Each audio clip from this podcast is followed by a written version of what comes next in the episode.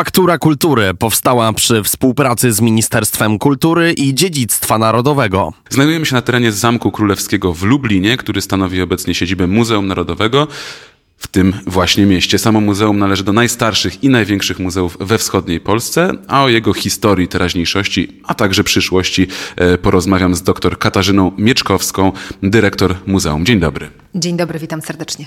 Od momentu jak przyszedłem, e, straszny e, rumor, poruszenie, bardzo dużo się dzieje. Co, czym żyje dzisiaj pani dyrektor Muzeum Narodowego w Lublinie?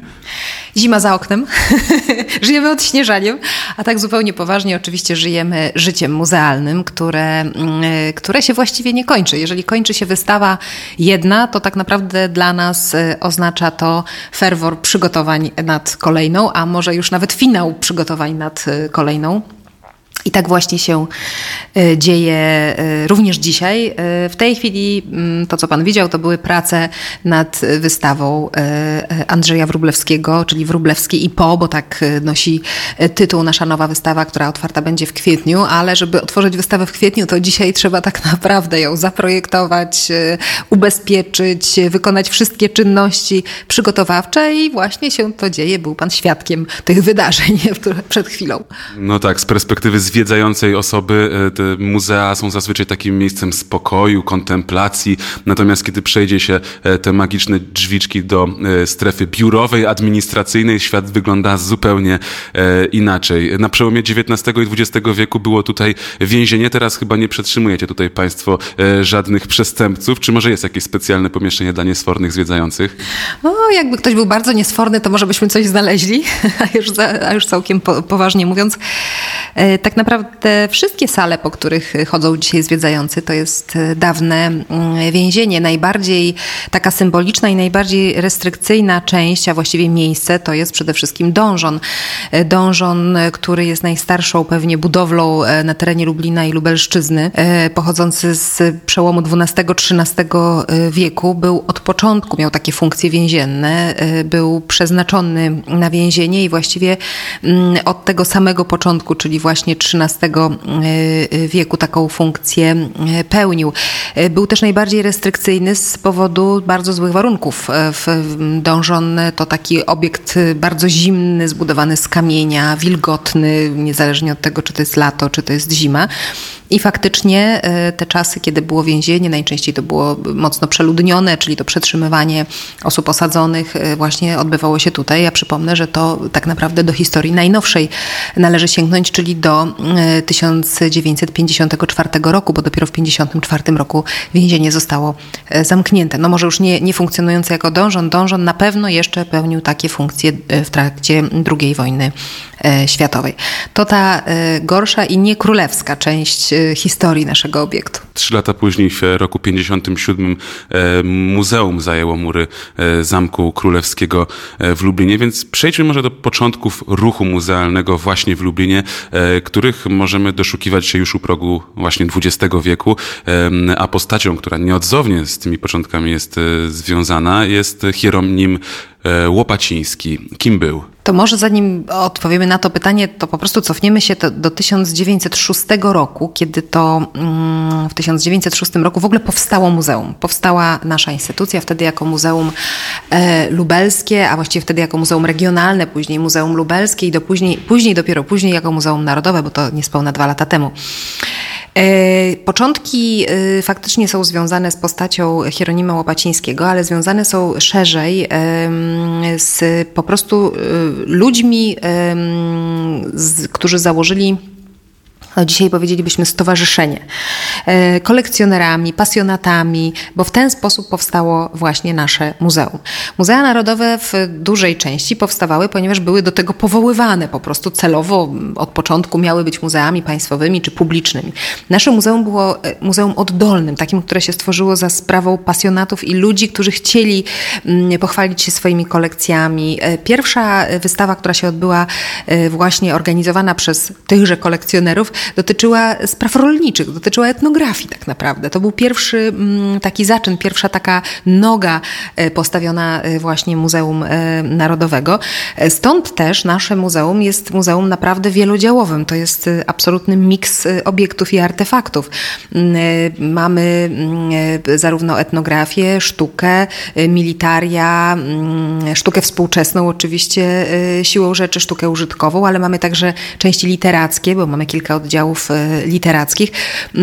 To wszystko powoduje, że to nie jest łatwa e, instytucja. Ona nie ma jedynego konkretnego e, e, dominanta w rozumieniu zbiorów, tylko ma taką bardzo dużą interdyscyplinarność w sobie i naukową, i, mm, i taką właśnie związaną z artefaktami.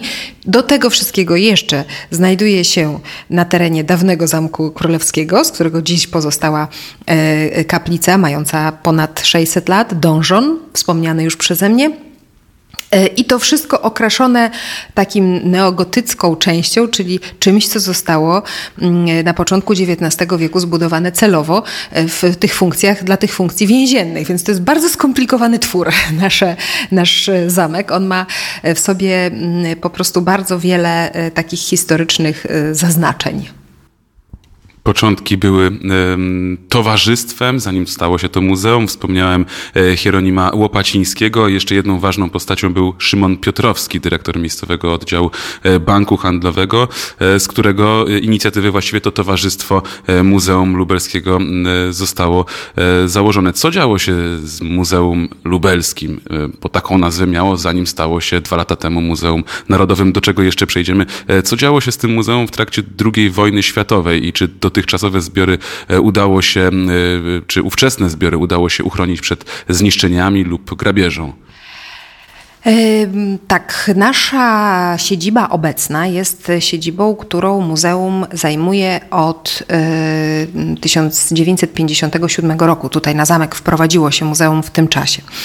Wcześniej, czyli również w trakcie II wojny światowej, w tym okresie, e, muzeum miało swoją siedzibę na Narutowicza, tutaj gdzie dzisiaj mniej więcej znajduje się biblioteka publiczna i zresztą imienia Hieronima Opacińskiego, e, wspomnianego wcześniej.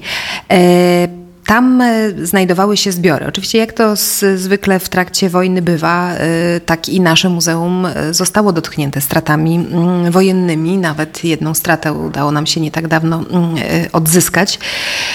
Ile tych strat tak naprawdę było, myślę, że nie jest to do końca zbadane i zweryfikowane, bowiem zarówno były problemy z księgami, e, z inwentarzem, który był, no tak jak to w wielu, e, myślę, że muzeach narodowych, mogę powiedzieć, że u kolegów też takie historie się działy i zdarzały. Muzeum Lubelskie może było tak w szczęściu i nieszczęściu po, po okresie II wojny światowej. Otóż w muzeum zarządzało mm, po wojnie składnicą E, muzealną, która miała swoje miejsce i siedzibę w Kozłówce.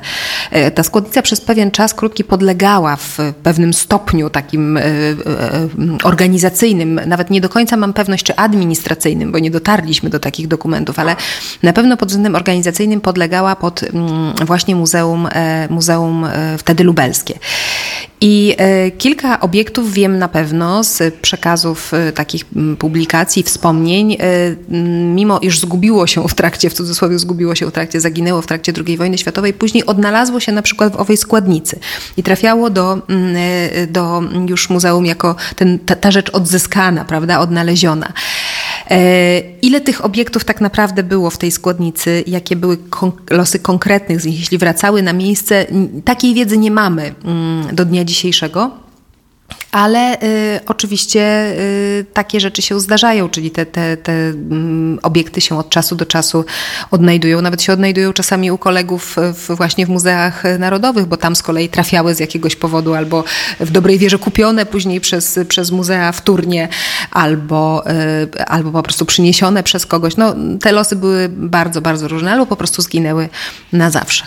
Musi być niesamowita historia obrazu. Tak wyobraźmy sobie, że jesteśmy takim obrazem i oglądamy to, co e, postać na przykład namalowana na obrazie wisiał sobie kilkadziesiąt lat tutaj, a nagle jest w jakiejś piwnicy na przykład w Warszawie, znowu potem tutaj wraca e, w blask świateł i przed oczy e, obserwujących. Po II wojnie światowej w 1957 roku Muzeum Lubelskie już właściwą swoją siedzibę, którą podziwiamy teraz, objęło właśnie w Zamku Królewskim. Czy status i zasoby muzeum rosły wraz z wejściem w nowe mury tej prestiżowej lokalizacji? Tak, oczywiście. Dzisiaj e, Muzeum Narodowe w Lublinie zarządza e, kolekcją, która liczy dwieście kilkadziesiąt obiektów muzealnych, wpisów e, inwentarzowych tak zwanych, czyli artefaktów, jakbyśmy powiedzieli, zabytków. Jesteśmy jednym z pokaźniejszych e, e, muzeów, na przykład w liczbie mm, obiektów o wiele większym niż Wawel, jakbyśmy mieli porównać. Oczywiście te zbiory wawelskie są mm, e, nieocenione i, i bardzo istotne, ale pokazuje skalę tego, mm, tej sytuacji. Najwięcej zbiorów oczywiście to archeologia. Archeologia, archeologii ciągle przybywa. Muzeum także w dość taki, powiedziałabym, usystematyzowany sposób powiększa swoją kolekcję, poprzez zakupy, poprzez dary. Nasze muzeum to nie tylko zamek, bo my dzisiaj jesteśmy na zamku, rozmawiamy sobie tutaj z pięknym widokiem na Stare Miasto. Natomiast oddziałów Muzeum Narodowego w Lublinie jest naprawdę dużo. To łącznie dziewięć punktów, dziewięć miejsc mm, rozsianych nie tylko na terenie Lublina, ale Lubelszczyzny także. Podróżując poza granice miasta, to są dwa muzea w Nałęczowie, Żaromski Prus. E, to jest Muzeum w Kraśniku, 24 Pułku Ułanów. E, to są muzea w Lublinie, Muzeum Historii Miasta w Bramie Krakowskiej, Muzeum Czechowicza, Józefa Czechowicza, poety mm, lubelskiego, Muzeum Wincentego Pola, mm, aż w końcu nasz nowy oddział Muzeum Ziem Wschodnich Dawnej Rzeczypospolitej. I w końcu, na końcu, choć jedno z najważniejszych naszych, jeden z najważniejszych naszych oddziałów, Muzeum Martyrologii pod Zegarem. Więc jak rozmawiamy o kolekcji, to nie nie możemy patrzeć tylko na, e, na nasz zamek i na to, co zwiedzający widzą e, na galerii XIX-XX wieku, grupie zamek, czyli post awangardowych wydarzeniach, czy sztuce dawnej, czy, e, czy archeologii właśnie, tylko musimy spojrzeć szerzej na tą instytucję, żeby poznać jej problemy i skalę działania to jest naprawdę olbrzym, który y, musi rozwiązywać wiele problemów.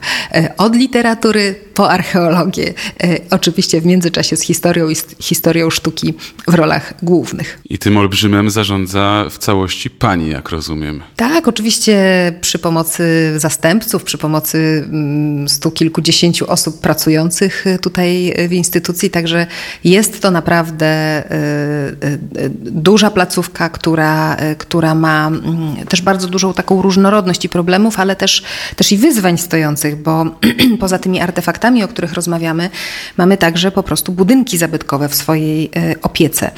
Kaplica e, Trójcy Świętej to jest e, unikatowy obiekt, który, mm, który kaplica ma ponad 600 lat. Mam tutaj na myśli datę, datę, w której zostały ukończone freski. Poza właściwie katedrą wawelską odrobinę takich mm, zdobień możemy zobaczyć także w Wiślicy czy w Sandomierzu, to jest to unikatowa, e, unikatowy obiekt na skalę świata.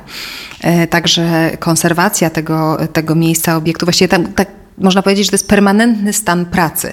W jednym rogu kończymy i w kolejnym zaczynamy. To jest opieka, która się po prostu nie kończy. To są prace konserwatorskie, przeglądy, e, to jest dbanie o to nasze dobro e, właściwie w sposób nieustający. Ale to są też zupełnie inne problemy, jak na przykład chata Żeromskiego w Nałęczowie, która jest drewniana i jest także obiektem zabytkowym i także przysparza nam wielu innych kłopotów i problemów, aby ją zachować, zabezpieczyć w odpowiedni e, sposób. Także e, poza tymi częściami związanymi z pracą z zabytkiem ruchomym mamy także prace z, takie poważniejsze, w tym także budowlane tym samym, bo oczywiście e, tą substancję, o tą substancję damy, dbamy pod względem konserwatorskim, remontowym, budowlanym, każdym. Czy wobec tego to właśnie ta tak szeroka oferta i tak wiele różnych miejsc, które skupia dawniej Muzeum Lubelskie zaważyło o tym, że w 2020 roku Ministerstwo Kultury i Dziedzictwa Narodowego e, przyznało e, tutejszemu muzeum status e, Muzeum Narodowego właśnie.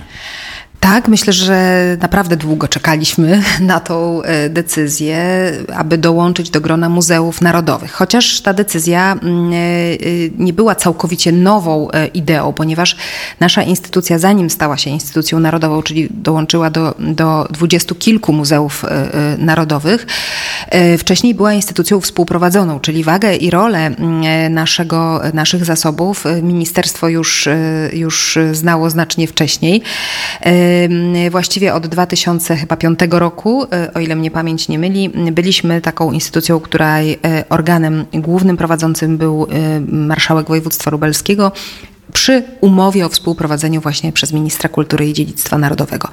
E, I chyba ten 2020 rok to była taka wisienka na torcie. My także mm, e, pewnie się przysłużyliśmy temu po naszych działaniach remontowych, po naszej e, takich, takim przeobrażeniu, które przeszło muzeum. Mam na myśli to przeobrażenie także infrastrukturalne.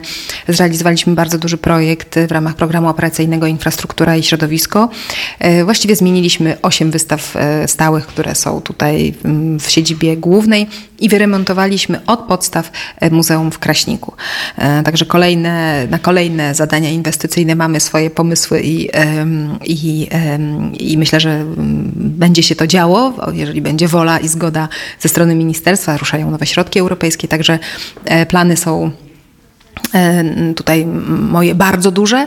E, natomiast e, ten 2022 rok myślę, że to był taki symboliczny rok dla wszystkich muzealników i społeczników, którzy to muzeum tworzyli, którzy przyczynili się do jego powstania, którzy mieli pasję, misję, wizję tego, żeby te kolekcje swoje na początku skromne i na początku zupełnie jakby nie odpowiadające dzisiejszej polityce muzeum, e, mam na myśli mm, e, tutaj taką ekspozycyjną część, ale którzy mieli e, taką odwagę, hard ducha i wielkość w sobie, aby to wszystko pokazać i dążyć do tego, żeby to było stowarzyszenie. I później już nie było wyjścia, musiało z tego stowarzyszenia się po prostu zrobić muzeum, powstać muzeum. I, i ten, to uhonorowanie statusem Muzeum Narodowego myślę, że jest takim wielkim hołdem i ukłonem w stronę tych, których nie ma, a którzy przyczynili się do tego, że my jesteśmy. Mówi Pani o uhonorowaniu, o symbolice, e, o tym, co muzeum musiało zrobić też, żeby w pewien sposób otrzymać ten status Muzeum Narodowego. A co się zmieniło poza nazwą e, w codziennym życiu muzeum i prac, jego pracowników? Prościej jest mieć jednego szefa niż dwóch. To jest pierwsza sprawa. E, a już tak zupełnie mm, bez żartów mówiąc, Zawsze problemy samorządu, z którymi mierzy się samorząd na co dzień, są naprawdę liczne resort kultury w państwie, w budżecie państwa mierzy się z problemami kultury. E, Urząd Marszałkowski mierzy się ze szkołami, szpitalami, pomocą społeczną, kulturą, ze wszystkimi zadaniami e, właśnie samorządu terytorialnego, jakie sobie możemy wyobrazić, a jest ich po prostu mnóstwo. Więc zawsze ta konkurencja wobec e, szkoły, pomocy społecznej, szpitala, który utrzymuje samorząd, jest po prostu, no, od razu byliśmy z definicji na pozycji tej gorszej, przegranej przegranej, bo te potrzeby społeczne, które musi samorząd realizować, wiadomo, że są, mają jakąś gradację y, y, swoją. Y, natomiast w przypadku Ministerstwa Kultury my po prostu rozmawiamy o tym, który problem rozwiązać w pierwszej kolejności, a nie czego w ogóle rozwiązać, więc ta sytuacja jest absolutnie inna. Co nam to również dało? No dało nam to zupełnie inny mandat do prowadzenia wypożyczeń, rozmów na świecie, w Europie i na świecie. Kiedy o wypożyczenia stara się Muzeum muzeum o statusie Muzeum Narodowego, ta sytuacja wygląda zupełnie inaczej niż kiedy, kiedy jest to jakieś muzeum regionalne, w, po prostu w, będące mm, w jakimś mieście na wschodzie.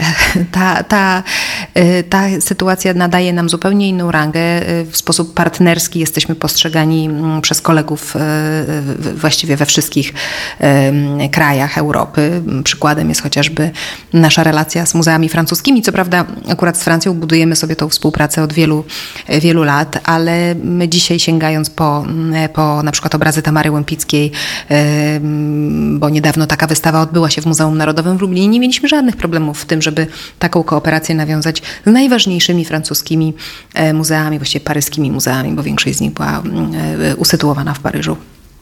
Począwszy od Centrum Pompidou, skończywszy na Orleanie na przykład. Więc to są, to są te przewagi dla nas samych i, no i bardzo się po prostu cieszymy z tego, że tak jest dotarliśmy do e, teraźniejszości, można powiedzieć, wspominając już o wystawie Tamary Łępickiej, czasowej wystawie, która miała tutaj miejsce. Zresztą Radio Wnet e, podczas projektu Via Carpatia dotarło także do Lublina i także wraz z Mikołajem Poruszkiem, e, moim redakcyjnym kolegą, mieliśmy okazję odwiedzić tę wystawę tutaj. Była naprawdę świetnie zorganizowana, to mogę sam od siebie powiedzieć. Natomiast pomówmy też nieco o samych tych zbiorach. Pani wspominała, że to jest bardzo obszerna oferta 157 tysięcy eksponatów, tyle wynotowałem e, z informacji w internecie. Mm, natomiast, no i tak jak pani powiedziała, bardzo wiele różnych obszarów, nie tylko e, e, sztuki wizualne, ale cała masa innych eksponatów, także nawiązujących bardziej do historii. Z czego Muzeum Narodowe w Lublinie jest obecnie najbardziej dumne i co składa się na bogactwo po prostu, to takie absolutne bogactwo tego muzeum? Ponownie wymienię kaplicę Trójcy Świętej, bo e, mówiąc o naszym muzeum, e, to jest pierwsza rzecz, która po pierwsze zwiedzającym przychodzi e, na myśl i chyba nam samym też, bo to jest takie największe, najważniejsze dobro, które posiadamy, dziecko nas wszystkich, które pielęgnujemy i którym się zajmujemy. Więc po pierwsze podkreślanie tej królewskiej historii tego wzgórza zamkowego, ale też miasta, bo mm, pamiętajmy, że wzgórze jest w Lublinie, a Lublin był miastem królewskim. Więc na pewno kaplica, to w pierwszej kolejności wymieniłabym ją, no może nie jako artefakt ruchomy oczywiście, ale, ale jako to najważniejsze dobro. E, drugim e, w kolejności e, myślę, że no, byłaby historia poniekąd także związana z kaplicą i królewskością, ale opowiedziana przez Matejkę 300 lat później, czyli zawarcie Unii Polsko-Lubelskiej, zwanej Polsko-Litewskiej, zwanej Unią Lubelską, przepraszam, która, które, to, które to, to zawarcie Unii właśnie działo się w murach zamku, czego naocznymi świadkami były osoby, które pozostawiły inskrypcje w kaplicy, na przykład Piotr Jerzewski, Jerzewski Unia stała się faktem w, po łacinie e, i 300 e, lat później o tej historii opowiedział Matejko właśnie w obrazie e, Unia Lubelska. Więc myślę, że Galeria Malarstwa, gdzie głównym obrazem e, jest obraz Matejki, na pewno jest naszą dumą, aczkolwiek ta galeria doprowadzając nas do historii Matejki i historii Unii Lubelskiej wcześniej przeprowadza nas, można powiedzieć, przez XIX i XX wiek w rozumieniu takiej opowieści historyczno-sztucznej, czyli, czyli troszkę obrazami opowiadamy i o człowieku, i o pejzażu, i o, i o wydarzeniach historycznych, historycznych i właśnie z zwieńczeniem jest e, Matejko. Kolejnym e, takim, taką naszą dumą, jeśli tak mogę powiedzieć, jest coś, co tworzymy regularnie od wielu już lat, to jest grupa Zamek. Zamkowicze to takie zjawisko i ludzie, którzy związani byli z, po pierwsze z Katolickim Uniwersytetem e, Lubelskim w latach 50. Mm, wokół historii sztuki, plastyki stworzyli taką grupę artystów, grupę dzisiaj powiedzielibyśmy E, awangardzistów, e, którzy e, między innymi na przykład Jan Ziemski należał do tej, do tej grupy awangardzistów, którzy swoją twórczość właśnie rozpoczynali w Lublinie. Oni w większości rozjechali się później po świecie, jak, jak Tytus Dzieduszycki chociażby ale pozostawili e, w historii sztuki ślad na zawsze e, i my ten ślad przypominamy, ponieważ mamy naprawdę bardzo dużą i piękną kolekcję, a po ostatnim remoncie od 2020 roku właśnie udostępniamy ją zwiedzającym, stanowi to odrębną e, galerię, galerię malarstwa. I choć jest zatytułowana ona Grupa Zamek, my opowiadamy tam Oczywiście o naszej grupie Zamek, która później miała ta grupa swoją siedzibę na zamku właśnie, więc jakby tak faktycznie i fizycznie by, były to osoby związane z tą instytucją, z tym miejscem, ale opowiadamy w ogóle o zjawisku awangardy, między innymi obraz e, Fangora, obraz, obrazy Kantora, czyli wszystko to, co działo się e, po latach 50. E, i wówczas było tym, co, co wzbudzało dyskusje i kontrowersje. Dziś już jest bardzo pożądanym i i, i mm, cennym dziełem sztuki, ale to było tylko kilkadziesiąt lat temu i wówczas było bardzo dyskusyjne. To jest taki, myślę, że kolejny element. Zaglądając do oddziałów z kolei naszych, myślę, że warto powiedzieć, że posiadamy coś, co może nie jest ekspozycyjnie porywające dla, dla przeciętnego turysty przyjeżdżającego do Lublina, ale jest y, porywające, jeśli chodzi o aspekt y, taki mm, kolekcjonersko-naukowy. Mam na myśli chociażby listy pisane moczem, które posiadamy. Mm, jak wspomniałam, nasze muzeum, czy też salę, to miejsce, w którym jesteśmy, było więzieniem. Więc mieliśmy tutaj bardzo wiele osób osadzonych, między innymi stąd właśnie odbywały się pierwsze transporty do obozu koncentracyjnego Ravensbrück. To był obóz koncentracyjny kobiet, który się znajduje na terenie Niemiec, znajdował na terenie Niemiec, y, który y, dziś jest oczywiście też muzeum po tej, po tej drugiej stronie.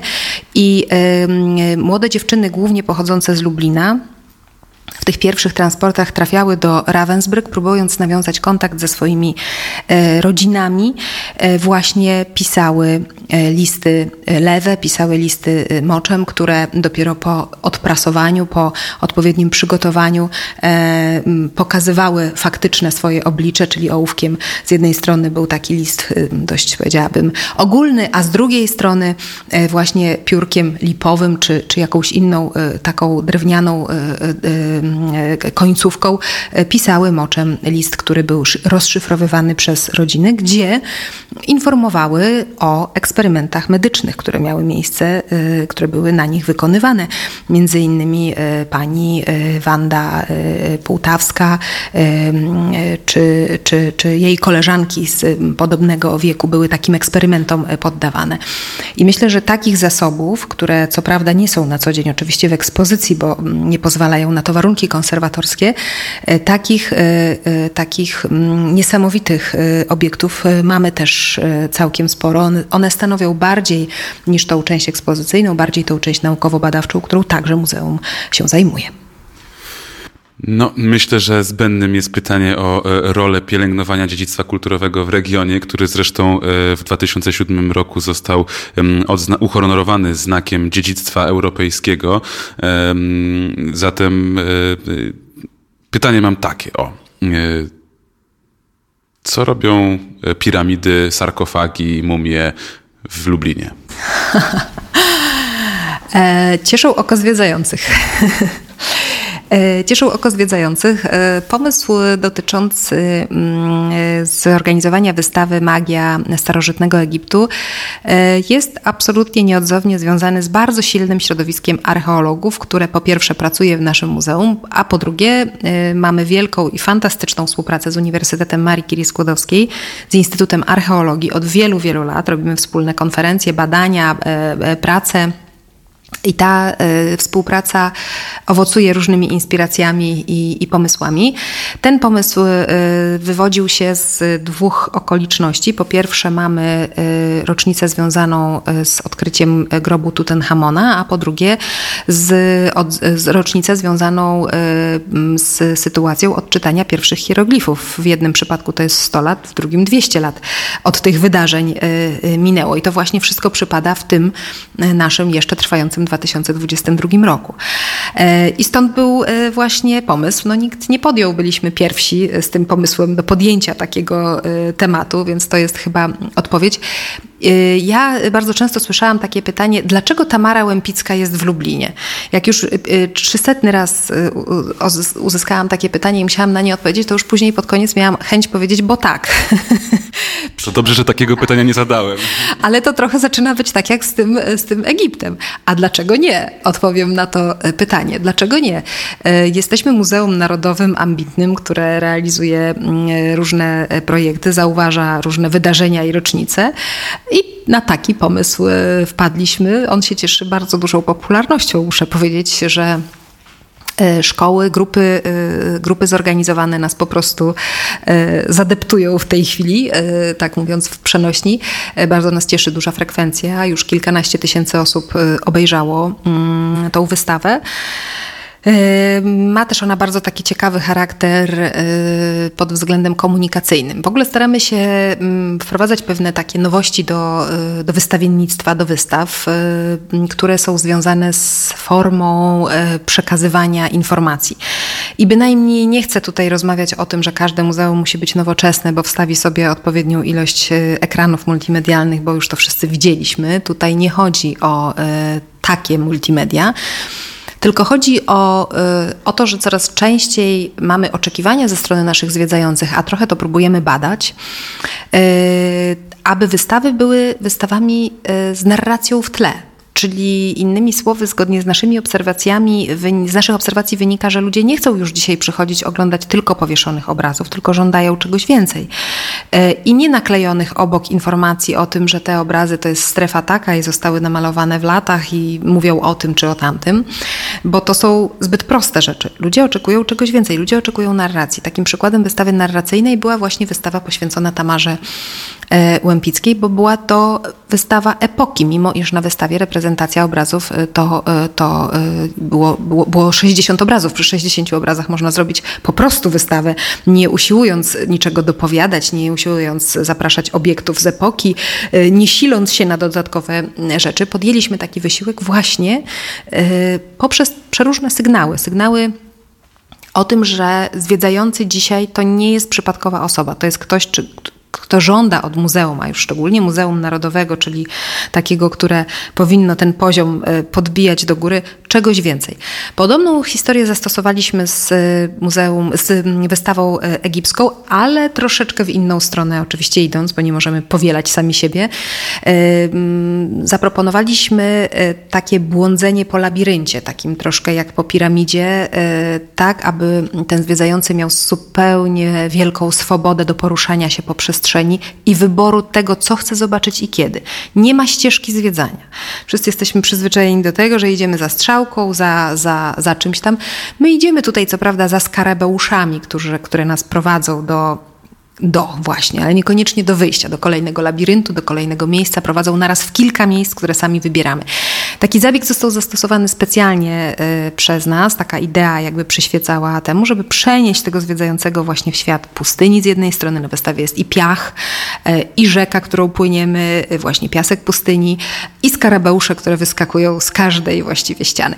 Ta atmosfera, w którą wprowadzamy zwiedzającego, daje mu zupełnie inne odczuwanie i wyobrażenie takich zabytków. Nie jest prosto opowiedzieć nawet dzieciom czy młodzieży o niewielkich zabytkach archeologicznych e, egipskich, choćby były one najbardziej cenne i miały kilka czy kilkanaście tysięcy lat i w ogóle były w, ogóle arcy e, ważne i, e, i arcy interesujące, nie jest prosto to wytłumaczyć.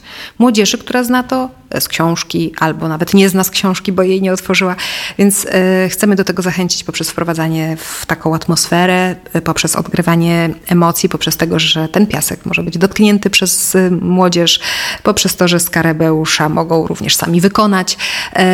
To są takie drobne e, oczywiście e, zabiegi, e, ale myślę, że one nadają taki bardzo niepowtarzalny klimat tego miejsca, który ma zwiedzający wynieść z muzeum.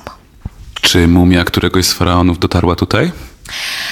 Mamy mumię, owszem, dotarła mumia, może najpierw tak odpowiem. O faraonie nic nie wiem, choć identyfikacja postaci, która jest na wystawie, jest dużym znakiem zapytania. To mumia chłopca, E, ten chłopiec miał około 7-8 lat, tak przynajmniej, taką przynajmniej e, wiedzę mamy z e, proweniencji pochodzenia, ale być może to zbadamy i odkryjemy tak naprawdę, co było przyczyną śmierci tego chłopca, dlaczego on się znalazł w Polsce, bo ta, ten obiekt znajduje się w polskich zbiorach. Myślę, że tu wiele znaków zapytania, jeśli chodzi o Egipt i pewnie nie na wszystkie pytania uda się odpowiedzieć. No pewnie, a e, tak jeszcze patrząc na liczby, może jest Pani w stanie określić, ilu odwiedzających rocznie ma Muzeum Narodowe w Lublinie? E, mogę powiedzieć, że w tym roku do 500 tysięcy będziemy się e, zbliżali. Jeszcze nie znam tych wyliczeń, bo mam jakąś taką lukę ostatniego miesiąca, dokładnie ile osób będzie, będziemy mm, wiedzieli pod koniec roku. No, też e, trzeba powiedzieć, że okres pandemii e, był takim trudnym czasem z wiadomych względów. My przed, przed pandemią z kolei mieliśmy frekwencję na poziomie 350-400 tysięcy. Na pewno ją w sposób zdecydowany przebijemy w tym roku i generalnie jest to rekordowy wzrost frekwencji w dużej mierze z powodu wystawy Tamary Łępickiej, która jak wspomniałam blisko 90 tysięcy osób przyciągnęła do Lublina. W tle trwają, no, trwa wydarzenie e, smutne, trudne, jakim jest wojna na Ukrainie. E, dużo ty, obywateli tego państwa przyjechało, bądź będzie przyjeżdżać, przyjeżdża do Polski. Lublin jest miastem gdzieś na trasie w głąb reszty Polski i, i Europy. Czy uchodźcy z Ukrainy mają przestrzeń na to, żeby odwiedzić Muzeum Narodowe w Lublinie, czy Państwo też dbacie jakoś, żeby ich czas tutaj e, w jakiś sposób zagospodarować, e, dać im szansę też obejrzeć te zbiory. Oczywiście. Od pierwszych dni, kiedy właściwie rozpoczęła się wojna, kiedy mieliśmy do czynienia z pierwszymi osobami e, przyjeżdżającymi do Lublina, wtedy to nie był tylko tranzyt, ale te osoby po prostu u nas w naszym mieście mieszkały, mieszkają do dzisiaj. Ale wtedy naprawdę masowo i w noclegowniach, w przeróżnych miejscach. Mm, już od pierwszych dni, po pierwsze zwiedzanie dla mm, uchodźców do dnia dzisiejszego jest bezpłatne e, od, od końca lutego e, tego roku. Po drugie, e, nasze mm, wystawy czasowe wszystkie organizujemy także w języku ukraińskim, czyli audio guide na przykład na Tamarę Łępicką był w języku polskim, angielskim i ukraińskim. Ponadto mamy zatrudnionych kilka osób pochodzących z Ukrainy mm, w ramach współpracy pomiędzy zaprzyjaźnionymi muzeami. Mamy zatrudnione E, dwie osoby e, w konserwacji i dwie osoby e, pracownicy, to są pracownicy merytoryczni i jedną osobę w dziale edukacji. Te pięć osób, które do nas przybyła no, między lutym a powiedzmy wakacjami, bo na różnym etapie y, przychodziły do pracy, to są bardzo wykształceni muzealnicy, konserwatorzy z ogromną y, wiedzą i doświadczeniem, y, których po prostu zaprosiliśmy do takiej współpracy. Także wątków jest całkiem dużo. Organizowaliśmy także mm, specjalne zajęcia dla, dla dzieciaków z Ukrainy, właśnie w języku ukraińskim. Także myślę, że czują się tutaj po prostu jak u siebie. To też e, bardzo cieszy. Radio Wnet jest mocno zaangażowany w, w ten temat i też e, we wsparcie, więc e, sprawdzenie tego, jak to wygląda w rzeczywistości, oczywiście też e, bardzo cieszy, a współpraca z innymi instytucjami kultury e, regionu e, Lubelszczyzny, czy w mieście Lublin, czy odbywają się jakieś wydarzenia kulturalne, choćby na terenie Zamku Królewskiego w Lublinie, na terenie Muzeum Narodowego w Lublinie, we współpracy właśnie z innymi instytucjami kultury, koncerty, przedstawienia, etc. Tak, oczywiście nasza, nasze progi są zawsze bardzo e, gościnne. Mm, e, jeżeli to daje się pogodzić z naszymi własnymi oczywiście e, planami, to zawsze chętnie się dzielimy, czy przestrzenią, czy miejscem.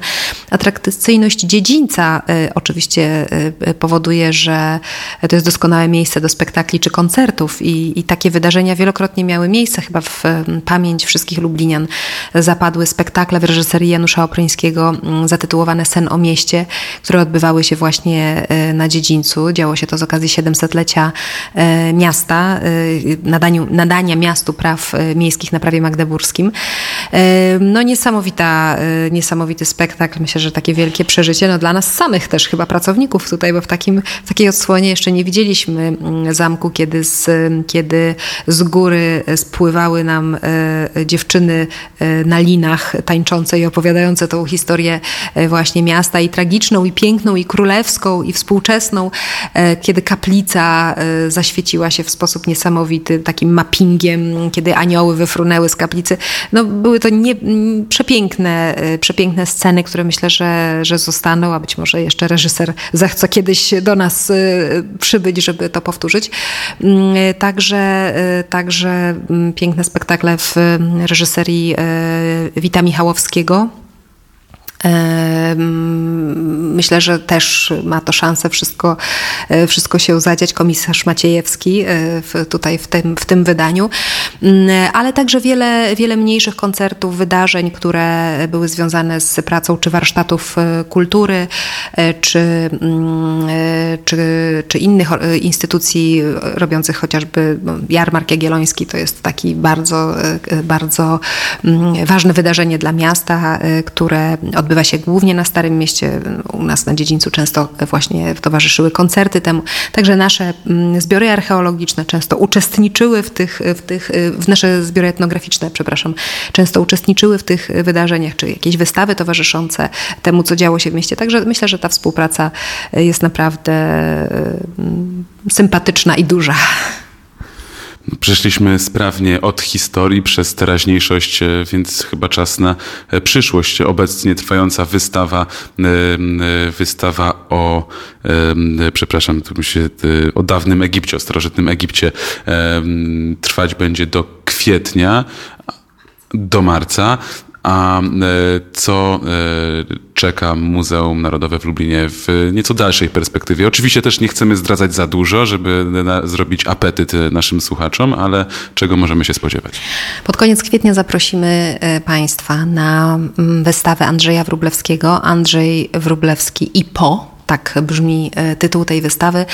E, wystawa będzie opowiadać nie tylko o twórczości Andrzeja Wróblewskiego, który dziś rozchwytywany i, e, i, i mm, wielce ceniony, kiedyś jeszcze kontrowersyjny i, i i właściwie e, próbowano go z różnych wystaw e, wykluczyć z racji tej kontrowersyjności, nawet nazywano kiczowatością, e, co oczywiście wiązało się z brakiem zrozumienia przez odbiorców jego twórczości, ale my chcemy troszkę w inny sposób to pokazać. Kurator, główny kurator wystawy, profesor Marcin Lachowski, chciał poszukać wpływów Wróblewskiego na współczesnych artystów, na ich twórczość.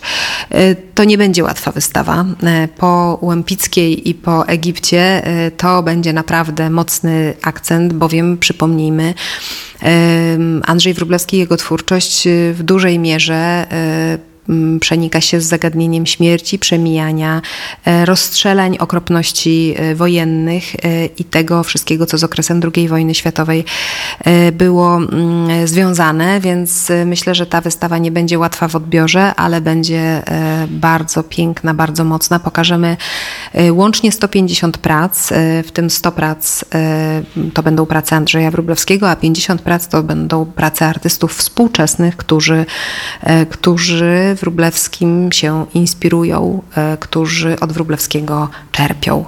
No tyle bym chciała na razie chyba powiedzieć o przyszłym roku to pozwolę sobie w swoim, jak i w Pani imieniu e, zaprosić e, słuchaczy do odwiedzenia Muzeum Narodowego w Lublinie, także pod kątem tej nadchodzącej wystawy i bardzo dziękuję za poświęcony mi czas i rozmowę dyrektor Muzeum Narodowego w Lublinie, dr Katarzyna Mieczkowska. Bardzo dziękuję. Dziękuję bardzo i zapraszam serdecznie do Lublina.